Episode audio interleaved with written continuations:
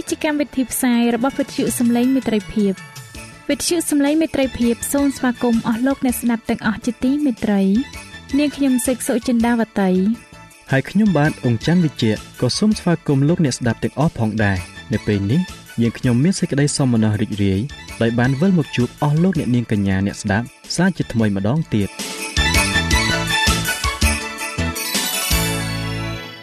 នាងខ្ញុំសេកសុចិន្តាវតី សូមជម្រាបជូនកម្មវិធីផ្សាយដែលមានជាបន្តបន្ទាប់ដូចតទៅនេតិជួបជាមួយព្រះបន្ទូលនេតិស្ពានជីវិត ចា៎លោកអ្នកស្ដាប់ជាទីមេត្រី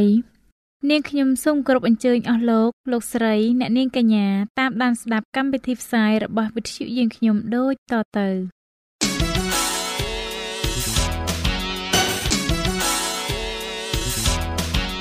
នេតិ ជួបជាមួយព្រះបន្ទូល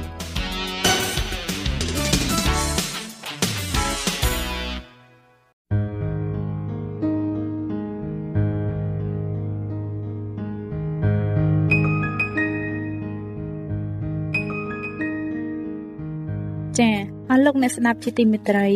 ជាដំបូងនាងខ្ញុំសូមអញ្ជើញលោកអ្នកនាងស្ដាប់នេតិជួបជាមួយព្រះបន្ទូលនេតិនេះនឹងលើកយកព្រះបន្ទូល ពីព្រះគម្ពីរទំនុកដង្កើងដែលនឹងជម្រាបជូនដល់លោកអង្គច័ន្ទវិជ្ជៈដូចតទៅ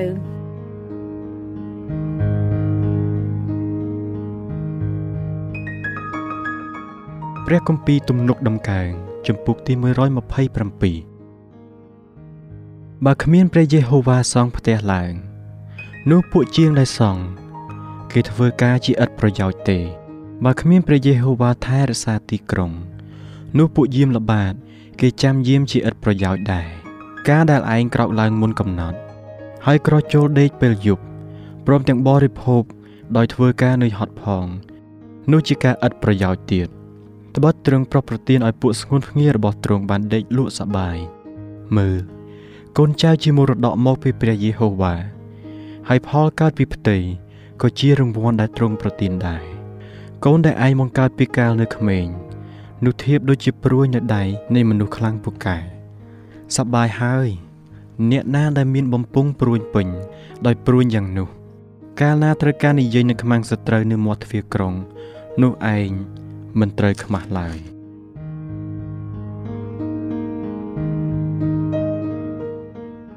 ព្រះគម្ពីរទំនុកដំកើងជំពូកទី128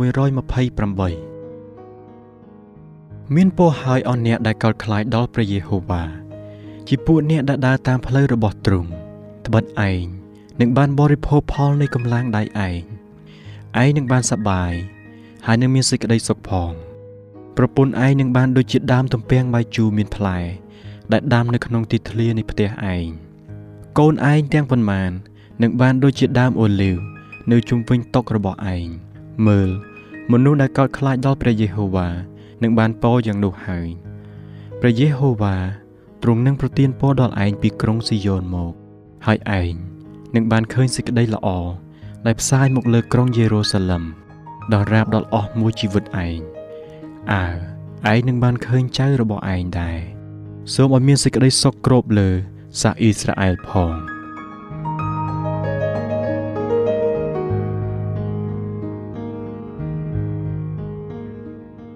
ព្រះគម្ពីរទំនុកដំកើង ជំពូកទី129គូឲ្យសាអ៊ីស្រាអែលនិយាយឥឡូវថា តាំងពីខ្ញុំនៅក្មេង គេបានធ្វើទុកខ្ញុំជាច្រើនដងហើយ គឺតាំងពីខ្ញុំនៅក្មេង គេបានធ្វើទុកខ្ញុំជាច្រើនដងមែន តែគេមិនបានឈ្នះខ្ញុំឡើយ ពួកអ្នកព្យួរ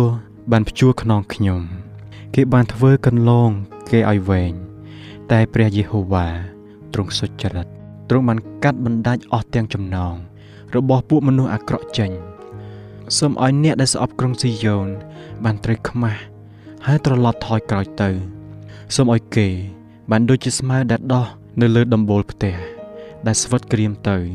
មុនដែលដោះធំឡើងផង ជាស្មៅដែលមិនបានបំពេញដល់ដៃនៃអ្នកច្រូតឡើយក៏មិនបានបំពេញអោបនៃអ្នកដែលចងបាច់ដែរហើយពួកអ្នកដែលដើរតាមទីនោះក៏មិនថា សូមឲ្យព្រះពរនៃព្រះយេហូវ៉ានៅលើឯងចុះយើងឲ្យពរដល់ឯងដោយនៅព្រះនាមព្រះយេហូវ៉ានោះឡើយ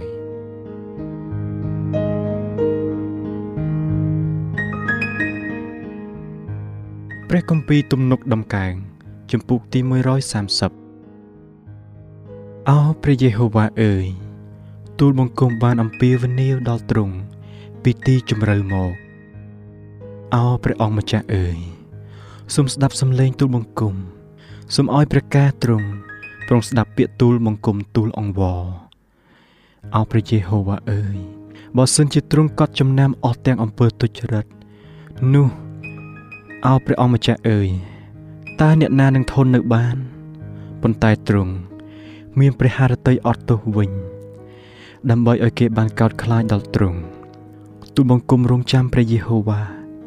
គឺប្រលឹងទូលបង្គំរងចាំទ្រង់ទូលបង្គំ សង្ឃឹមដល់ព្រះបន្ទូលនៃទ្រង់ប្រលឹងនៃទូលបង្គំរងចាំព្រះអង្គម្ចាស់ជាជាងពួកយាមល្បាតរងចាំភ្លឺឡើងអើជាជាងពួកយាមល្បាតរងចាំភ្លឺឡើងទៅទៀតអោអ៊ីស្រាអែលអើយចូលសង្ឃឹមដល់ព្រះយេហូវ៉ាចុះត្បិតមានសេចក្តីសប្បុរសនៅនឹងព្រះយេហូវ៉ាហើយមានសេចក្តីប្រោះលោះ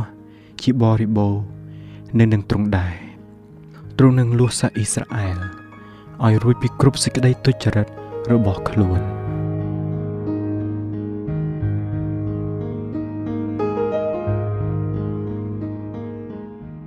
ព្រះគម្ពីរទំនុកដំកើងជំពូកទី131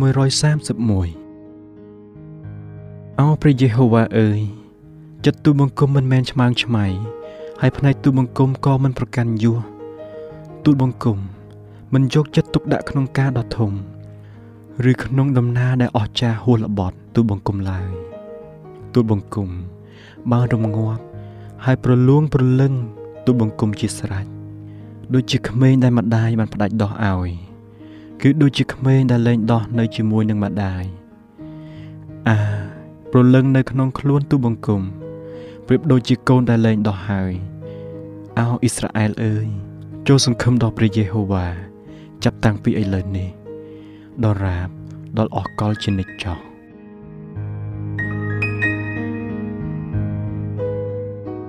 ចា៎ប្រិយមិត្តអ្នកស្ដាប់ជាទីមេត្រី ដោយពេលវេលាមានកំណត់ យើងខ្ញុំសូមផ្អាកនាទីជប់ជាមួយព្រឹបបន្ទូលនេះត្រឹមតែប៉ុណ្ណេះសិនចុះដោយសន្យាថានឹងលើកយកនាទីនេះមកជម្រាបជូនជាបន្តទៀតនៅថ្ងៃច័ន្ទសប្តាហ៍ក្រោយ សូមអរគុណ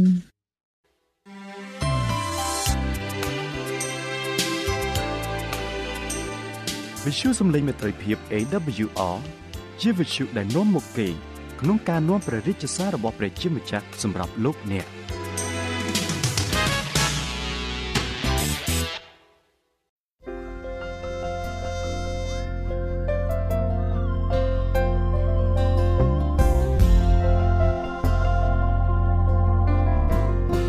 ចា៎ ជាបន្តទៅទៀតនាងខ្ញុំសូមគោរពអញ្ជើញអស់លោកអ្នកតាមដានស្ដាប់នេតិ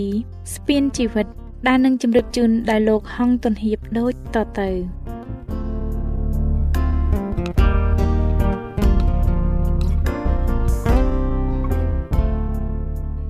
ខ្ញុំបាទហងទុនហៀបសូមជម្រាបសួរអស់លោកអ្នកស្ដាប់ជាទីមេត្រីសូមឲ្យលោកអ្នកបានប្រកបដោយព្រះគុណនិងសេចក្តីសុខសាន្តពីព្រះដ៏ជាព្រះវរបិតានៃយើង ហើយអំពីព្រះអង្គម្ចាស់យេស៊ូវគ្រីស្ទបាទខ្ញុំបាទមានអំណរណាស់ដែលបាននាំយកនីតិថ្មីមួយ មកជម្រាបជូនលោកអ្នកនីតិនេះមានចំណងជើងថាស្ពានជីវិត បាទនីតិស្ពានជីវិតនេះនឹងនាំមកនៅដំណោះស្រាយល្អៗសម្រាប់ជីវិតផ្ទាល់ខ្លួន និងសម្រាប់ក្រុមគ្រួសាររបស់លោកអ្នកផងដែរបាទជាដំបូងខ្ញុំបាទសូមលើកយកមេរៀនមួយដែលមានចំណងជើងថា ស្វាមីនិងភរិយា ក្រោយពីអាពាហ៍ពិពាហ៍ដ៏ផ្អែមល្ហែមរួចមកមិនយូរមិនឆាប់ទំនាក់ទំនងស្វាមីនិងភរិយាក៏មានការប្រឆាដូចចាននៅក្នុងរាវដែរដែលតែងតែតង្កិចគ្នាដូច្នោះឯងដូច្នេះមេរៀននេះនឹងផ្ដល់ជាយោបល់ល្អៗដើម្បីជួយឲ្យទំនាក់ទំនងអាពាហ៍ពិពាហ៍របស់លោកអ្នកបានប្រសើរឡើងវិញដូច្នេះខ្ញុំបាទសូមជម្រាបជូនលោកអ្នកស្ដាប់ដូចតទៅ បាទមានគ្រួសារច្រើនណាស់ដែលតែងតែមានការខ្វាយខ្វល់ចំពោះសេចក្តីសុខសាន្តរបស់កូនចៅ ជាពិសេសនៅពេលរៀបចំទុកដាក់ឲ្យមានគ្រួសារមានសុភាសិតមួយពោលថាធ្វើស្រែឲ្យមើលស្មៅទុកដាក់កូនចៅឲ្យមើលផៅសន្តាន បានសេចក្តីថាបើចង់ឲ្យកូនមានសេចក្តីសុខសាន្តនិងសុភមង្គល គេត្រូវតែប្រុងប្រយ័ត្នឲ្យមែនទែនក្នុងការជ្រើសរើសគូស្រករឲ្យកូនចៅ តែការនោះមិនទាន់គ្រប់គ្រាន់ទេ គឺស្វាមីនិងភរិយាខ្លួនឯងត្រូវតែយល់អំពីទូនីតិនិងភារកិច្ចរបស់ខ្លួនឲ្យច្បាស់ផង បាទតើទូនីតិរបស់ស្វាមីនិងភរិយាមានអ្វីខ្លះខ្មែរយើងធ្លាប់និយាយតតគ្នាមកថា សំណាបយោងដីស្រីយោងប្រុសបានន័យថា ស្រីជាជំនួយដល់បរោះក្នុងការជួយលើកស្ទួយបរោះឲ្យមានមុខមាត់បនស័កសេចក្តីសុខសាន្តឬភាពថ្លៃថ្នូរ រីឯបរោះក៏ជាប្រមុខនៃគ្រួសារដែលជាអ្នករោគសុភមង្គលសេចក្តីសុខសាន្តនិងចិញ្ចឹមបីបាច់គ្រួសារតាមពិតបរោះនិងស្ត្រីដែលជាស្វាមីភរិយា មានតួនាទីសំខាន់ដូចគ្នា ក្នុងការគ្រប់គ្រង និងលើកស្ទួយក្រុមគ្រួសារបាទតួនាទីរបស់ស្វាមីតើលោកជាស្វាមីមានតួនាទីអ្វីខ្លះដល់ក្រុមគ្រួសារនិងភរិយារបស់ខ្លួន គ្រួសារខ្មែរយើងតែងតែឲ្យតម្លៃទៅលើបរិះថា ជាមេគ្រួសារតើមេគ្រួសារនេះ មានសិទ្ធិធ្វើអ្វីអ្វីស្រេចតែនឹងចិត្តឬតើមេគ្រួសារនេះ មានសិទ្ធិសម្លុតកំហែងគំរាម ឬវាយតប់ប្រពន្ធកូនតាមចិត្តឬយ៉ាងណាឥឡូវចូលយើងសាកល្បងសិក្សាពីរបៀបដែលព្រះបានបង្កើតបរិះនិងស្ត្រីជាដំបូងមើលដើម្បីឲ្យដឹងថា ព្រះបានឲ្យគេមានទូនីតិបែបណា ព្រះបានបង្កើតស្ត្រីពីឆ្អឹងជំនីបរោះដើម្បីបង្រៀនពីទូនីតិធំធំ3យ៉ាងគឺសិទ្ធសេចក្តីស្រឡាញ់និងការស្មោះត្រង់បាទសូមលោកអ្នកស្ដាប់ពីសិទ្ធិរបស់ស្វាមីនិងភរិយាវិញម្ដងថាតើពួកគេមានសិទ្ធិអ្វីខ្លះបរោះនិងស្ត្រីត្រូវមានសិទ្ធិស្មើគ្នា គឺគ្មានអ្នកណាជិះជាន់អ្នកណា ឬមើលងាយអ្នកណាឡើយព្រោះព្រះបានដកយកឆ្អឹងជំនី បរោះមកបង្កើតជាស្ត្រី ដែលបង្ហាញថាបរោះមិនខ្ពស់ឬមិនទាបជាងស្ត្រីទេ ហើយស្ត្រីក៏ដូច្នោះដែរដូច្នេះបើបរោះណាមើលងាយប្រពន្ធឬស្ត្រីណាមិនស្ដាប់បង្គាប់ប្តីនោះឈ្មោះថាខុសនឹងច្បាប់របស់ព្រះហើយព្រោះទ្រង់មិនបានយកឆ្អឹងក្បាល ឬឆ្អឹងជើងបរោះមកបង្កើតជាស្ត្រីឡើយត្បិតគម្ពីរលោកុបាតចំពុះ2ខ22និងខ23បានចែងថា រីឯឆ្អឹងដែលព្រះយេហូវ៉ាដ៏ជាព្រះ បានយកពីអាដាមមក នោះទ្រង់ជប់ឲ្យកើតឡើងជាមនុស្សស្រីក៏នាំទៅអាដាមអាដាមក៏ថានេះហើយជាឆ្អឹងពីឆ្អឹងអញជាសាច់ពីសាច់អញនឹងត្រូវហៅថាស្ត្រី ពីព្រោះបានយកចេញពីបរោះមក បាទបើសិនជាយើងនិយាយពីច្បាប់សិទ្ធិមនុស្សបច្ចុប្បន្នវិញ គឺបរោះណាដែលបានមើលងាយប្រពន្ធនោះបានរំលោភសិទ្ធិនារីហើយ រីឯលទ្ធផល គឺបានដល់ការឈឺចាប់ខ្លួនឯងប៉ុណ្ណោះព្រោះព្រះគម្ពីរលោកុបាតចំពុក2ខ24បានសម្ដែងថាដោយហេតុនោះបានជាមនុស្សប្រុសនឹងលាចេញពីឪពុកម្ដាយខ្លួន ទៅនៅជាប់នឹងប្រពន្ធវិញ ហើយអ្នកទាំងពីរនោះនឹងត្រឡប់ជាសាច់តែមួយសុទ្ធបាទអស់លោកអ្នកស្ដាប់ជាទីមេត្រីខ្ញុំបាទសូមនិយាយពីសេចក្តីស្រឡាញ់របស់ស្វាមីនិងភរិយាវិញម្ដង បើយោងតាមព្រះគម្ពីរខាងលើព្រះបានបង្កើតបរិសនិងស្ត្រីឡើងឲ្យចេះស្រឡាញ់គ្នាដោយរូបកាយតែមួយទើបទ្រង់បង្កើតស្ត្រីពីបរិសដូច្នោះតាមពិតទ្រង់មានអំណាចអាចបង្កើតស្ត្រីដោយគ្រាន់តែមានបន្ទូលក៏បាន តែបើធ្វើដូច្នោះបរិសមិនសូវឲ្យតម្លៃទៅលើស្ត្រីឡើយបាទចុងព្រះគម្ពីរលោកុបាតចំពុះ2ខ24បានចែងថា ហើយអ្នកទាំងពីរនោះនឹងត្រឡប់ជាសាច់តែមួយសុទ្ធ ដូច្នេះនៅពេលណាដែលប្តីវាយធ្វើបាបប្រពន្ធខ្លួនតើមិនមែនដូចជាវាយខ្លួនឯងទេឬអីបាទកសិករទាំងឡាយតែងតែថ្នាក់ថ្នមនឹងថែបំពន់គោក្របីរបស់ខ្លួនគ្រប់ពេលវេលា ម្ចាស់យានយន្តទាំងឡាយតែងតែថែទាំយានយន្តរបស់គេរៀងរាល់ថ្ងៃដូច្នេះលោកអ្នកវិញតើលោកអ្នកមានគោក្របីទេតើលោកអ្នកមានឡានឬម៉ូតូទេ ហើយបើប្រពន្ធធ្វើឲ្យគោស្គមឬធ្វើឲ្យបែកស្តុបម៉ូតូនោះ តើលោកអ្នកស្ដីបន្ទោសឬវាយប្រពន្ធដែរឬទេ បាទយើងខ្ញុំជឿថាលោកអ្នកពិតជាស្រឡាញ់ប្រពន្ធលោកអ្នកជាងរបស់ផ្សេងផ្សេងដោយបណ្ដោយឲ្យរបស់ទាំងនោះខូចខាតទៅចុះនិងមិនវាយធ្វើបាបប្រពន្ធឡើយដោយដែលព្រះគម្ពីរអេភេសូចំពុកទី5ខ25សម្ដែងថាបរោះរាល់គ្នាអើយចូលស្រឡាញ់ប្រពន្ធខ្លួនដោយព្រះគ្រិស្តបានស្រឡាញ់ដល់ពួកជំនុំហើយបានប្រគល់ព្រះអង្គទ្រង់ជំនួសផង បាទក្រោយពីលោកអ្នកបានស្ដាប់ពីសេចក្តីស្រឡាញ់របស់ស្វាមីដល់ភរិយាខ្លួនហើយខ្ញុំបាទសូមគោរពអញ្ជើញលោកអ្នកស្ដាប់ពីសេចក្តីស្មោះត្រង់វិញម្ដងថាតើបរិសុទ្ធជាស្វាមីត្រូវមានសេចក្តីស្មោះត្រង់យ៉ាងណាដល់ភរិយារបស់ខ្លួននោះបាទទូនីតិដ៏សំខាន់មួយទៀតដែលបរិសុទ្ធត្រូវធ្វើនោះគឺភាពស្មោះត្រង់ព្រោះបើបរិសុទ្ធមិនស្មោះត្រង់ចំពោះភរិយាខ្លួនទេនោះ វាមិនគ្រាន់តែផ្ទុយពីបំណងព្រះហត្ថីរបស់ព្រះប៉ុណ្ណោះទេ គឺវាថែមទាំងនាំមកនៅវិបត្តិយ៉ាងធ្ងន់ធ្ងរទៅធ្ងន់ធ្ងរទៅ ដល់ក្រុមគ្រួសារនិងសង្គមជាតិទាំងមូលទៀតផង ជាពិសេសដោយសារជំងឺអេដនិងជំងឺផ្សេងផ្សេងទៀតបាទជាបន្តទៅទៀតយើងខ្ញុំសូមជូនឧទាហរណ៍ពីគ្រួសារមួយដែលមានស្វាមីមិនស្មោះត្រង់មានបរិសម្នាក់ជាអ្នករត់ម៉ូតូដុបគាត់មិនសូវរវីរវល់នឹងប្រពន្ធគាត់ទេ ប្រកាសដែលរកបានគាត់ឲ្យប្រពន្ធគាត់យ៉ាងតិចបំផុត នៅសល់ប៉ុន្មាន គាត់យកទៅស៊ីផឹកស្រីស្រាសបាយតែម្នាក់ឯងមិនយូរប៉ុន្មានគាត់ក៏មានជំងឺមួយគាត់មានអាការៈហេវទៅហេវទៅរហូតដល់គាត់ស្លាប់តាមការពិនិត្យឈាមរបស់គ្រូពេទ្យបានឲ្យដឹងថាគាត់មានជំងឺអេដរីឯប្រពន្ធគាត់បានរស់នៅជាស្ត្រីមេម៉ាយយ៉ាងវេទនាជាមួយកូនស្រីអាយុ8ខែម្នាក់គ្រូពេទ្យក៏បានឲ្យដឹងផងដែរថាម្ដាយនិងកូននោះក៏មានផ្ទុកនៅមេរោគអេដផងដែរ មិនយូរប៉ុន្មានស្ត្រីនោះក៏លាចាកលោកនេះទៅ ចោលកូនស្រីដែលមិនទាន់ដឹងក្តីនោះទៀតកុមារីអភ័ព្វត្រូវបានអ្នកចិត្តខាងម្នាក់យកទៅចិញ្ចឹមតែប៉ុន្មានខែក្រោយមក កូនស្រីនោះក៏បានស្លាប់ដូចជាឪពុកនិងម្ដាយនាងដែរបាទតើរឿងនេះគួរឲ្យសោកសៅដែរឬទេ ការមិនស្មោះត្រង់ជាមួយនឹងប្រពន្ធការសប្បាយជាមួយនារីដតីតែមួយផ្លេតនោះវាហាក់ដូចជាការលោតចូលទៅក្នុងរណ្ដៅភ្លើង ទាំងគ្រួសារដូច្នោះដែរ ជាពិសេសចំពោះប្អូនប្អូនដែលនៅយុវវ័យត្រូវតែរក្សាភាពបរិសុទ្ធជូនដល់អនាគតប្រពន្ធជាទីស្រឡាញ់របស់អ្នកព្រោះបើអ្នកទៅរួមរស់ជាមួយស្រីក្រមុំណាម្នាក់មុនរៀបការទោះបីអ្នកនៅតែយកនាងនោះធ្វើជាប្រពន្ធនៅថ្ងៃក្រោយក៏ដោយក៏អ្នកបានបង្ខូចគេឈ្មោះនាងនិងគ្រួសារនាងដែរតែបើអ្នកមិនបានរៀបការជាមួយនាងវិញអំពើនេះនឹងคล้ายទៅជាអនុស្សាវរីយ៍ដ៏ជូរចត់មួយសម្រាប់ជីវិតនាង និងរូបអ្នកផ្ទាល់ រហូតមិនអាចលុបបំបាត់បានឡើយជាពិសេសនៅពេលដែលអ្នកឬនាងមានគ្រួសាររៀងរៀងខ្លួនក៏នៅតែមានដក់ជាប់នៅមโนសញ្ចេតនាអតីតកាល ដែលធ្វើឲ្យគ្រួសារអ្នកមានការថយចុះនៅសេចក្តីស្រឡាញ់ប៉ុន្តែបើអ្នកជាសុភាពបរោះគោរពសិទ្ធិនារីមិនធ្វើឲ្យនារីខូចអនាគតដោយសារអ្នកហើយបែរជាទៅរកស្រីពេស្យាវិញក៏អ្នកនឹងបង្ខូចអនាគតប្រពន្ធនិងកូនជាទីស្រឡាញ់របស់អ្នកដែរ សូមអ្នកគិតមើលថាតើនាងណាមួយដែលនឹងក្លាយជាភរិយារបស់អ្នក ហើយនៅពេលរៀបការនឹងមានភ្ញៀវមកអបអរច្រើនប៉ុណ្ណាចុះបើអ្នកកំពុងសន្សំមេរោគអេដទុកសម្រាប់នាង ពីឥឡូវនេះទៅហើយនោះតើឯណាទៅដែលជាសុភមង្គលរបស់អ្នក យើងសូមសង្ឃឹមនិងទុកចិត្តលើបងប្អូនទាំងស្រុងថាអ្នកពិតជាសសរទ្រូងនៃប្រទេសជាតិអ្នកនឹងធ្វើជាស្វាមីដ៏ចំណាន អ្នកនឹងធ្វើជាឪពុកដ៏ល្អ និងជួយកម្ចាត់ជំងឺអេដចេញពីសង្គមដោយការស្មោះត្រង់និងជួយបំបត្តិអំពើហិង្សាក្នុងគ្រួសារជានិច្ច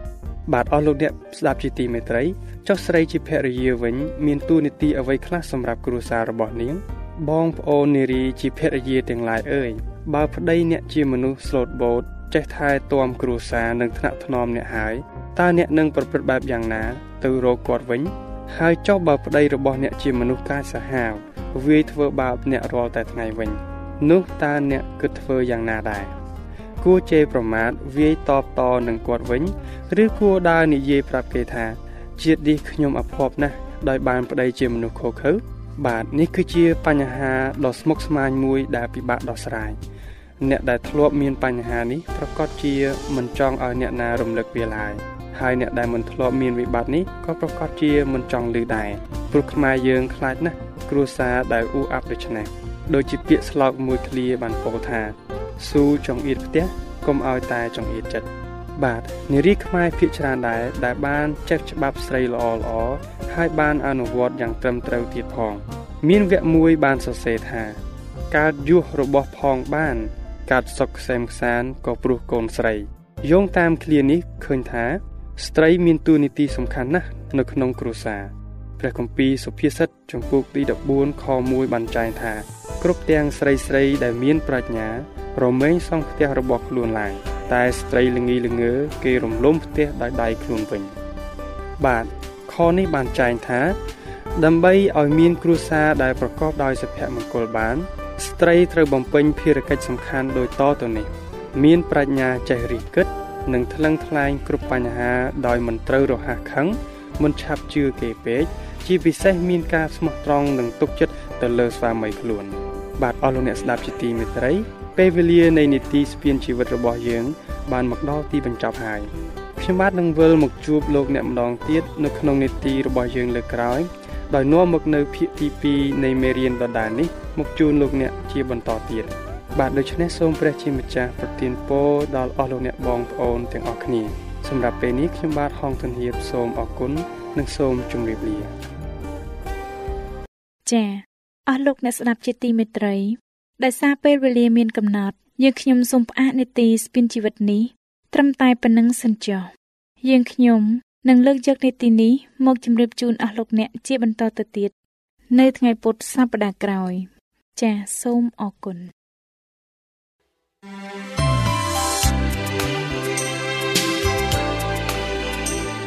វិទ្យុសំឡេងមេត្រីភាព AWR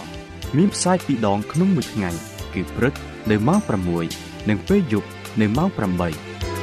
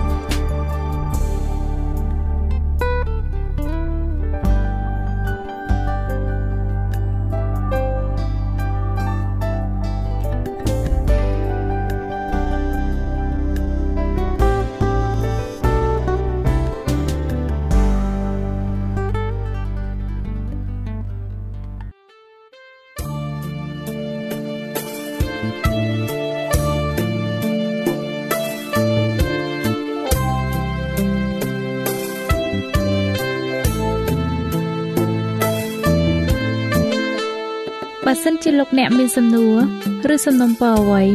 សូមតាក់ទងមកការិយាល័យវិទ្យុយើងខ្ញុំ តាមអាស័យដ្ឋានផ្ទះលេខ15ផ្លូវលេខ568សង្កាត់បឹងកក់2ខណ្ឌទួលគោករាជធានីភ្នំពេញ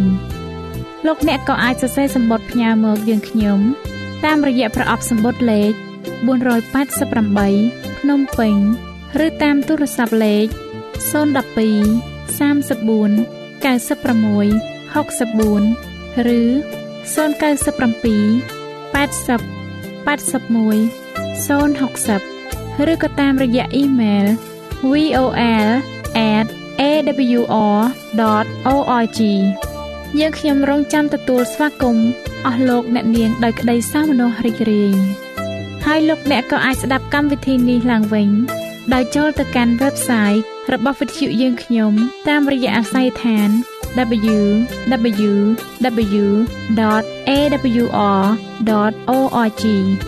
លោកអ្នកនាងកញ្ញាជាទីមេត្រី កម្មវិធីផ្សាយរបស់វិទ្យុសំឡេងមេត្រីភាពនៅពេលនេះសូមបញ្ចប់តែប៉ុណ្ណេះ